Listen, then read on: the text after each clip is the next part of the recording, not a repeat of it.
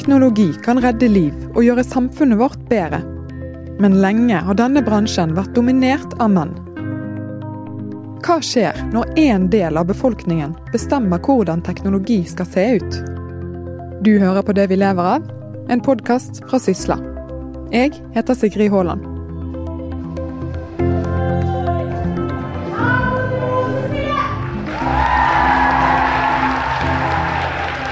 300 jenter var samlet da arrangementet Jenter og teknologi ble holdt i Bergen for noen uker siden. NITO og NHO var arrangører, og målet var å øke kvinneandelen i teknologifagene på alle nivåer i utdanningssystemet. Og Cecilie Grimelunds Nyen, en utvikler fra Evry, var en av de som sto på scenen. Jeg håper og tror at med, med arrangementer som dette, Jenter og teknologi, at vi kan klare å få flere jenter til å få øynene opp for teknologifag og velge dette. Hun peker på at vi i Norge er tradisjonelle i yrkesvalg. Når vi ser på andre land, så velger kvinner oftere teknologi enn det norske jenter gjør. Utvikleren mener at vi er avhengige av mangfold for at teknologibransjen skal fungere best mulig. Da trenger vi forskjellige perspektiver på eh, problemet. Eh, og jeg tror kvinner har av og til litt andre måter å tenke på enn menn. Vi løser problemer på andre måter. Vi er gjerne mer detaljstyrte. Ehm, så derfor tror jeg med flere kvinner i eh, teknologibransjen, så eh, skaper vi nok bedre løsninger for, eh, for verden og samfunnet. Så langt så har altså teknologibransjen i stor grad bestått av menn. Hva har det betydd? Og hvorfor er det egentlig så viktig at denne ubalansen rettes opp? Med meg nå er Marie Misund Bringsli, journalist i Sysla, og sjefredaktør i Aftenbladet, Lars Helle. Velkommen. Takk. Takk for det. Marie, du har en master i teknologi og innovasjon fra LSE i London. Hvordan var kjønnsbalansen der? Eh, på studiet var det egentlig veldig bra. Jeg vil si at det var 50-50 jenter og gutter. Eh, men dette med at det er få kvinner i teknologi, det var jo noe vi var veldig opptatt av og diskuterte veldig mye. Hun som var leder for masteren min, hun som var programdirektør, hun er en fantastisk eh, flink kvinne i, i 60-årene, har jobbet i, i IT-bransjen eh, kjempelenge og, og, innen forskning. Og hun fortalte at, at dette med at det er få kvinner i teknologi, det var noe eh, de hadde diskutert siden hun begynte å studere. Og hun fortalte òg at eh, tidligere var hennes teori at det som måtte skje, var at de gamle gubbene i bransjen var nødt til å gå av. Eh, da kom det til å bli bedre. Men så sa hun at hun hadde sett igjen og igjen at det hadde dessverre ingenting å si, så det var ikke der problemet lå. Så hun hadde rett og slett ingen gode svar på man kunne, hvordan man kunne gjøre det bedre. Men hvordan er det her i Norge, da? Det er jo ganske begredelig, da. I, I, Norge så er det dessverre så lite som én av fem kvinner i IT-bransjen. I tillegg så er det jo 17% kvinner i toppledelsen i IT-bransjen. Og ser vi på oppstartsselskaper, så er det faktisk enda verre. Der er det kun 20% av landets selskaper som starter på kvinner. Og ser vi på teknologi innenfor oppstartsselskaper, så er det kun 1% av disse som starter på kvinner. Og det er jo tragiske tall. Vi ser jo òg på, på, tallene fra, fra samordna opptak i år. Da. Eh, eh, på kvinneandel på ingeniørutdanninger så økte det bare til 19,9% fra 17,4 for ti år siden. Det er ganske lite, og det vi snakker altså da fortsatt om én av fem. Så det er fortsatt en, en eh, lang vei å gå, både i yrkeslivet og på studiene. Men hvorfor er det sånn? Altså, Hva vet vi om det? Det henger jo igjen uh, Mye er jo, er jo tradisjonelt. Det, det, har vært en oppfatning, ikke helt, uh, det som heller ikke er presis, om at dette er mannsarbeid. Men det var i etterkrigstiden, i gjenoppbyggingstiden av landet. Da var menn ingeniørene de som tok seg av den type virksomhet. Og så har òg eh, liksom, dette med å håndtere datamaskiner etter hvert liksom blitt mindre og mer eh, håndterbare. Og så har det liksom vært gutter som har spilt spill og sånne ting. Dette er jo i ferd med å endre seg voldsomt eh, akkurat på, på, det nivået, men, men, det har vært en, en gutteting og en manneting. Og det har vært tilrettelagt i mye større grad enn vi innbiller oss. Både eh, teknologisk og rent sånn faktisk i samfunnet for menn. IKT Norge publiserte en studie tidligere år som tok opp nettopp dette temaet, men hvorfor IT har festet seg som et sånn voldsomt guttefag. Eh, og, og det, det, var en studie som viste til at på 70-tallet var det faktisk en overvekt av jenter som tok programmeringsfag. Men så skjedde det noe på 80- og 90-tallet, eh, hvor tallene gikk veldig ned. Og dette mener man da kan ha sammenheng med markedsføringskampanjer fra 80-tallet, hvor den stasjonære PC-en ble markedsført som et spillverktøy for menn. Og det var ingen kvinner i disse reklamene. Og det har rett og slett kanskje bidratt til den stigmatiseringen, da, i at PC-en er et gutteverktøy. Et leketøy eh, som jenter eh, ikke har noe med å gjøre. Mm. Jeg syns det er veldig interessant det som Lars sier, at, at dette er noe som kanskje er på vei til å endre seg veldig mye. Vi ser jo nå at barn har et helt annet forhold til teknologi enn det kanskje vi hadde når vi var små. Eh, at de, de lærer seg å bruke det fra en mye yngre alder, altså toåringer som har full kontroll på iPaden. Uansett om det er jenter eller gutter. Så dette er jo, er jo, blir jo veldig spennende å se hvordan om det kommer til å ha noen påvirkning på hvor mange jenter som søker seg til teknologi eller, eller ikke. Ja, og så tror jeg vi må begynne å se på IT som noe annet enn noe sånn maskiner og teknologi og koding. Altså, De er jo til for å gjøre livet lettere eh, for oss som skal leve i dette samfunnet. Eh, og, og Hvis du får fram de sidene, de menneskelige sidene, så, så, vil du fort se at dette er mer enn å, å snakke et eller annet kodespråk. Tvert imot så handler det om å gjøre, gjøre eh, denne her teknologien menneskelig. At den kan hjelpe oss i hverdagen, ikke, ikke sperre, lage sperrer for oss.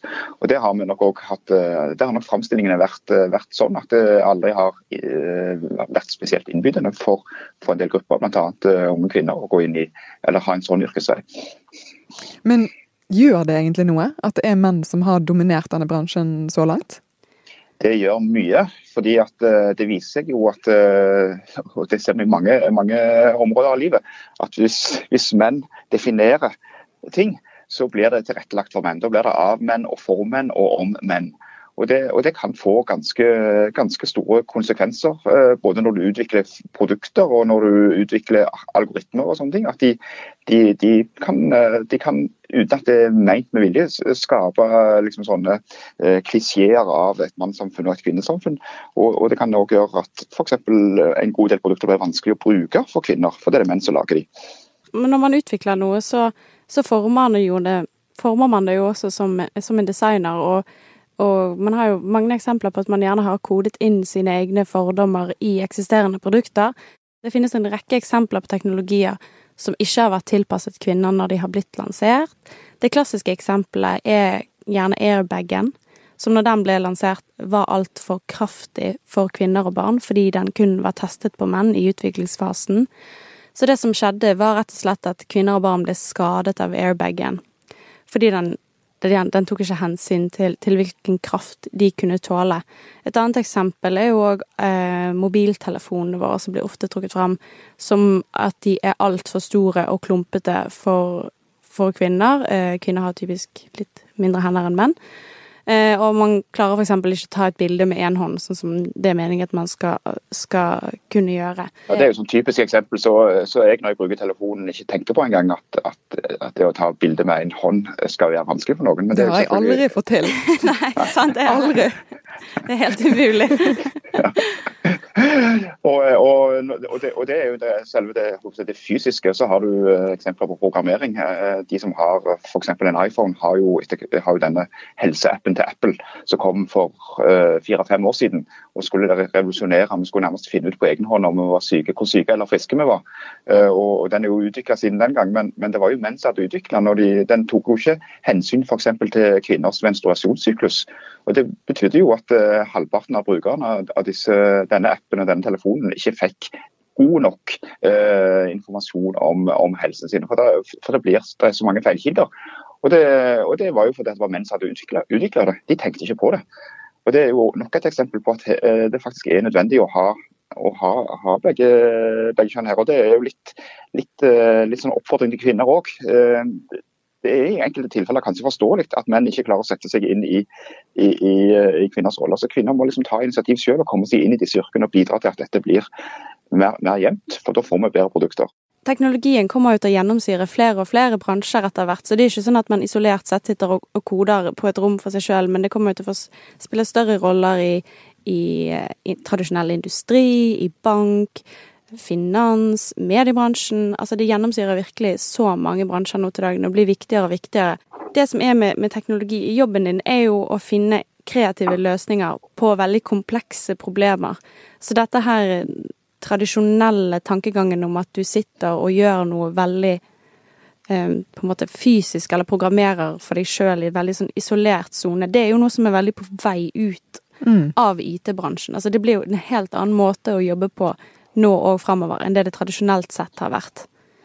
Ja, og så er det jo litt sånn fascinerende å, å, se gamle filmer fra annen verdenskrig, særlig i Storbritannia, hvor, hvor, det var ofte kvinner som ble brukt til å dekode sånne spiontelegrammer og sånne ting. Og Det er bare fordi at de for det første har den samme, minst den samme evnen til å liksom se logiske sammenhenger, men de klarte å sette dette, i en praktisk sammenheng. Så de var faktisk var bedre egnet til det uh, enn en ofte menn var.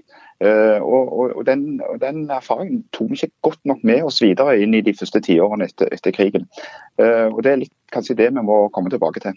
En film som kom for ganske nøyaktig to år siden uh, i USA, som heter 'Hidden Figures'. Den handler om, den handler om tre afroafrikanske kvinner, som, og det er en sann historie, da, som, uh, som jobba for NASA og var i mange måter hjernen bak oppskytingen av det fartøyet som fikk den første amerikaneren ut i verdensrommet. Da var de allerede slått av Sovjetunionen som fikk sin første, sin første mann ut i verdensrommet. Men det var et kjempeteknologisk kappløp mellom supermaktene den gangen. Eh, og, og, disse tre kvinnene hadde jo mange ting eh, de måtte kjempe mot. De var jo ikke bare afroafrikanske, de var kvinner. De hadde ikke engang toaletter på jobben. Nå, 50 år senere, er de jo helter av USA, og folk har jo forstått det, det de gjorde. Men det var en, det en bragd. Det var ekstremt flinke ingeniører som, som eh, som eh, bidro til dette her. Men det var jo selvfølgelig menn som fikk æren og sto i spissen, og som ble skutt ut i rommet. Men hva gjøres det nå, da, landet rundt, for at uh, dette her skal bli bedre? Men de siste årene har jo man uh, Altså, man har veldig mange store nettverk som jobber for dette her i Norge, blant annet ODA-nettverket. Utdanningsinstitusjonene har vært veldig på banen, og man har kanskje sett at man har begynt å, å jobbe litt mot yngre aldersgrupper. Man har forstått at dette må inn på et tidligere nivå. Det må inn i barneskolen, ungdomsskolen. At man har gjerne disse her setningene jenter, koder. Um, man har arrangementer hvor man samler masse jenter. Man har sommerleirer. Uh, det er et helt annet fokus på det nå enn det har vært tidligere, nettopp fordi det kanskje er et så stort problem. Eh, så et litt mer konkret eksempel. Det er jo f.eks. flere norske selskaper som har tatt i bruk dette som heter gamification i rekrutteringsprosessen, altså når de skal ansette nye. Og det er rett og slett en anonymisert, spillbasert rekruttering, hvor man har sett at kvinneandelen faktisk har økt fra 26 til 40 ved bruk av gamification. Og det er jo bra, men det er jo òg litt trist. For det sier noe om de de fordommene som har, har, satt seg hos de som, som driver med rekruttering òg, da. Mm. Eh, at det har virkelig etablert seg at nei, kanskje denne jobben passer bedre for en mann enn for en kvinne, og at man derfor velger bort kvinner tidlig i søknadsprosessen. Jeg syns det er ganske bra eh, at, at eh, universiteter og høgskoler sånn har blitt ganske obs på dette, og måten de rekrutterer på, måten de på offensiven på for å trekke folk til, til disse fagene, eh, har helt, en helt annen karakter nå enn bare for få år siden. Så det er viktig. En annen ting er disse nettverkene eh, som, som er mange av, og mange ting, de er også dratt i gang i stadig større grad av kvinner selv. Det tror jeg er ganske viktig, men det er også ganske, ganske stilig at de liksom tar ansvar for dette og gjør dette på sin måte. og Det gjør det også disse rekrutteringssamlingene, nettverkene, mye mer relevante for de som kan tenke seg å gå inn i, i eh, sånne roller. Absolutt. Og så, så tror jeg òg at, eh, at, de store selskapene virkelig har fått øynene opp for, for dette de, de, siste årene, og har begynt å ta dette skikkelig på alvor. Og Vi ser nå at de søker spesifikt etter kvinner, og de er opptatt av å få en god balanse. Ikke nødvendigvis å ansette bare kvinner, men rett og slett å få den gode miksen, da. I, i, av de, de de ansetter. Og det er jo Spesielt unge selskaper tror jeg er veldig opptatt av det, men òg de mer etablerte. At dette er rett og slett noe som har festet seg, at dette må vi gjøre noe om. Så sånn sett kan vi rose bransjen litt for det. Mm. At man virkelig har fått øynene opp for at dette er viktig. Ja, og, og, og Da handler det òg om kultur og innretning på arbeidsplassen. For det er jo en del av disse ganske sementerte mannskulturer, hvor, hvor, de tradisjonelt nesten ikke har sett for seg at det er kvinner til stede der. og Da, da handler det litt om alt fra omgangstone til fysiske fasiliteter til, til utstyr du har kler deg i og sånne ting. Alt dette må tenkes på nytt rundt, fordi at vi skal ha med alle i befolkningen på, inn i disse fagene. Så har vi sett de siste årene at det har vært et enormt fokus på IT, fordi vi har kommet så utrolig langt med teknologi. Eh, og det har kanskje blitt mer attraktivt å jobbe innen IT òg, at da man, ser man sjansen til å gjøre noen ting med det. Men hvilke land er det som er gode på dette? Da har vi noen eh, som vi kan se opp til og strekke oss etter? Eh, ja, altså det landet som trekkes fram ofte, er Portugal i Europa. Mm. Eh, og det skyldes mye teknologiboomen som har vært der de siste årene. Eh, og at det er faktisk ganske bra når det gjelder eh, likelønn. Så er ofte USA et eksempel som brukes, der det er, der er mange kvinner. Men et annet land som er veldig spennende, det er India, faktisk. Eh, og der er det 35% kvinneandel i IT-bransjen. Eh, og det ble gjort en, en, større studie hvor man sammenlignet eh, hvorfor det var så store forskjeller mellom India og Storbritannia, hvor det er 17% kvinner i IT. Og da fant man at i India var det mye færre stigma knyttet til det å jobbe i IT-bransjen. Altså man tenkte ikke på det som tradisjonelle guttefag, verken, verken når det gjaldt studier i IT, eller når det gjaldt å jobbe i IT-bransjen. Og eh, så fant man òg at det var mye bedre samarbeid mellom utdanningsinstitusjonene og bedriftene i landet. Og at disse jentene blir mye mer oppfordret av foreldrene sine til å velge IT-fag og jobber innen IT. Og det er jo veldig interessant. Og den utviklingen i India er, ganske ny. altså De har bygget seg veldig sterkt opp som et IT-land de siste årene. Eh, og det er, jo, det er, jo, kjempespennende å se hva de klarer å få til med disse, disse damene som kommer inn og, og, og tar jobber i IT-bransjen. Det, det, er rett og slett veldig kult. Og det er ganske interessant for noe som liker å se på seg selv som et land hvor likestillingen har kommet langt, og hvor mye ligger at, at, at, det er andre land som vi kanskje ikke ville trodd, uh, som ligger langt foran oss på akkurat disse områdene. Vi faktisk har noe å hente både i, både i Europa og i andre verdensdeler på dette. Det, det er interessant, og det er mye, mye både fascinerende og viktige lærdom å hente. Da. Tusen takk for at dere var med, Marie og Lars. I like måte. Takk. Og takk for at du hørte på denne episoden av Det vi lever av. Hvis du synes at dette temaet var spennende, så diskuterte vi òg mannsdominansen blant toppledere for en stund siden. Den episoden finner du i podkastappen din eller på Sysla sine nettsider. Og har du innspill til andre ting som vi bør eh, diskutere, så hører vi gjerne fra deg. Send en mail til podkast.sysla.no. Det er altså podkast med K. Produsent for Det vi lever av er Henrik Svanevik. Jeg heter Sigrid Haaland. Og vi er snart tilbake med en ny episode.